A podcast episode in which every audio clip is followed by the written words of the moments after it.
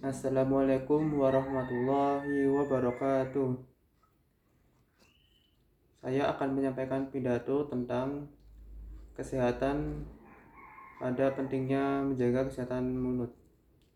Dosen pembimbing Bu Erni Zuryati SS SIP MA disusun oleh Tufail Naufal Zanwa mata kuliah Kepemimpinan Pemerintahan A NIM 2019 0520 155 Program Studi Ilmu Pemerintahan Fakultas Ilmu Sosial Politik Universitas Muhammadiyah Yogyakarta.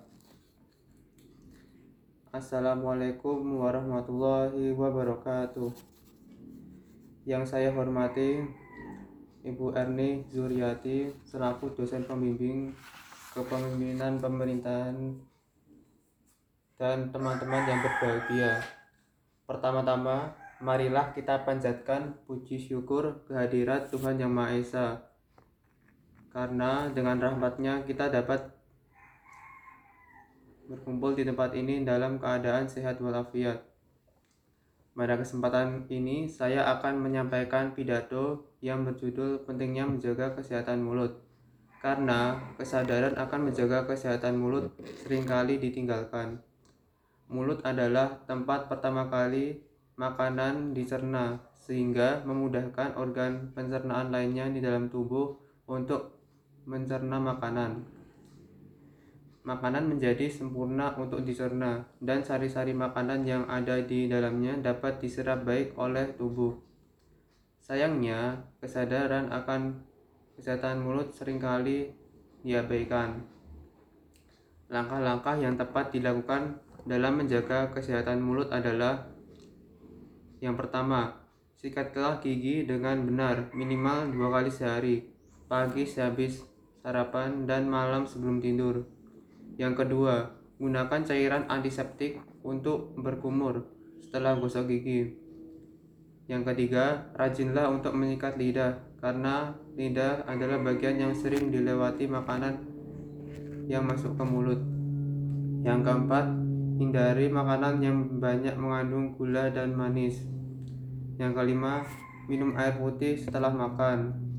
Yang keenam, biarkanlah makanan buah-buahan segar karena seratnya dapat membantu menghilangkan kotoran makanan yang ada di gigi.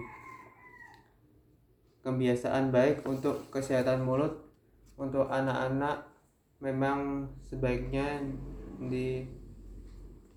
diajarkan sedini mungkin karena dapat bermanfaat untuk yang pertama meningkatkan kepercayaan diri yang kedua, menurunkan resiko penyakit jantung.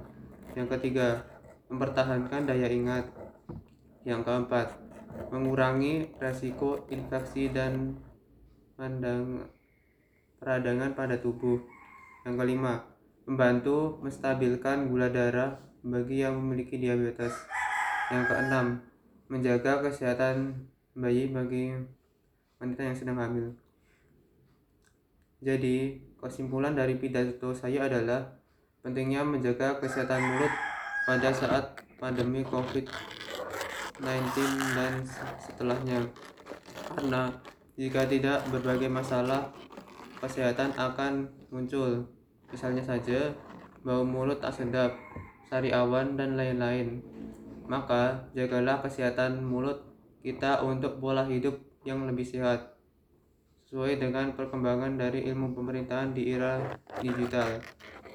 Demikian pidato yang dapat saya sampaikan. Semoga dapat bermanfaat bagi kita semua. Kurang lebihnya saya mohon maaf dan atas perhatiannya saya ucapkan terima kasih. Wassalamualaikum warahmatullahi wabarakatuh.